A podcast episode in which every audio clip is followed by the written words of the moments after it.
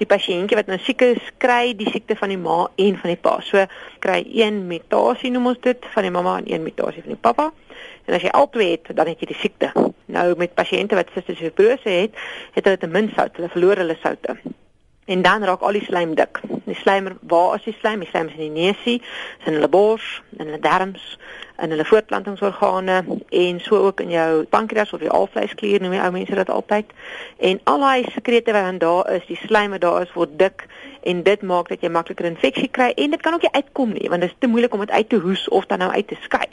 So dan kan hulle probleme kry met infeksies en die infeksies maak dan dat hulle probleme kry lanktermyn en die pasiënte gaan ongelukkig soms baie vroeg dood daaraan maar deesdae is daar nie 'n rede dat hulle vroeg hoef dood te gaan en hulle kan 'n vol lewe lei. Ons weet al daar's al baie vordering gemaak en daar's middels wat basies baie van hierdie mutasies heeltemal omkeer en gesond maak. Watter statistiek is daar beskikbaar vir Suid-Afrika rondom die opkoms van hierdie siekte?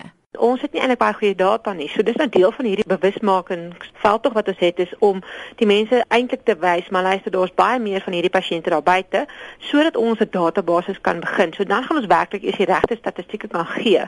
Maar uit ou studies wat jare terug gedoen is, kan ons die afleiding maak dat in die blanke populasie omtrent so 21 mense kan draers wees. 155 van die gemengde rasse en dan 91 in 'n swart populasie kan draers wees. So as jy dit nou neem en jy wil nou gaan kyk hoeveel van die kinders kan die siekte hê. Is dit 1 in 2000 van die blanke kinders, 1 in 12000 van gemengde rasse en 1 uit 32000 van die swart populasies. So 'n paar jaar terug het hulle agtergekom dat die Suid-Afrikaanse swart populasie het 'n baie spesifieke mutasie wat ons nog nie in Europa so baie opgetel het nie. So ek dink ons het 'n ideale geleentheid om navorsing te doen en daar is van die professors wat besig is met navorsing daarin onder andere.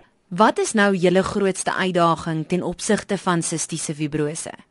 Ons bekommernis is dat soos ek sê statisties moet ons baie meer pasiënte sien, maar ons sien dit nie. Met ander woorde, of ons is besig om die pasiënte te mis, dat hulle nie gediagnoseer word nie, hulle word dalk 'n uh, ander diagnose gegee of hulle gaan dood ongelukkig dink ek ook. Veral natuurlik in ons afgeleë plekkies of die plekke waar daar nie dokters is wat bekend is met die siekte nie. So natuurlik daai impak is daar. Tweedens dit is 'n siekte wat nie noodwendig op die Jan op straat 'n uh, impak gaan hê met sy familielid of dalk 'n kind het wat so 'n uh, leier is nie. En hoekom ek dit sê is hierdie is 'n siekte wat een dit is nie 'n PMB siekte of 'n voorgeskrewe minimum voordeel soos wat die mediese fondse dan nou praat nie. Met ander woorde, jy moet op van die hoogste planne van die mediese fondse wees om enigstens befondsing te kry om hierdie kinders se behandeling te kan betaal. En dis om te sê as jy gaan dink na alles wat behandel moet word, praat ons van derduisende rande per maand wat uit die ouers se sak uitgehaal moet word as hulle nie 'n mediese fonds het nie. Ja, die pasiënte kan na die staat toe gaan. Probleem is baie van die pasiënte is baie afgeleë plekke. Hulle kan nie by die staat eers uitkom nie. So ons wil juis ook hê dat ons hierdie siekte dan moet probeer registreer as 'n voorgeskrewe minimum voordeel by die mediese fondse.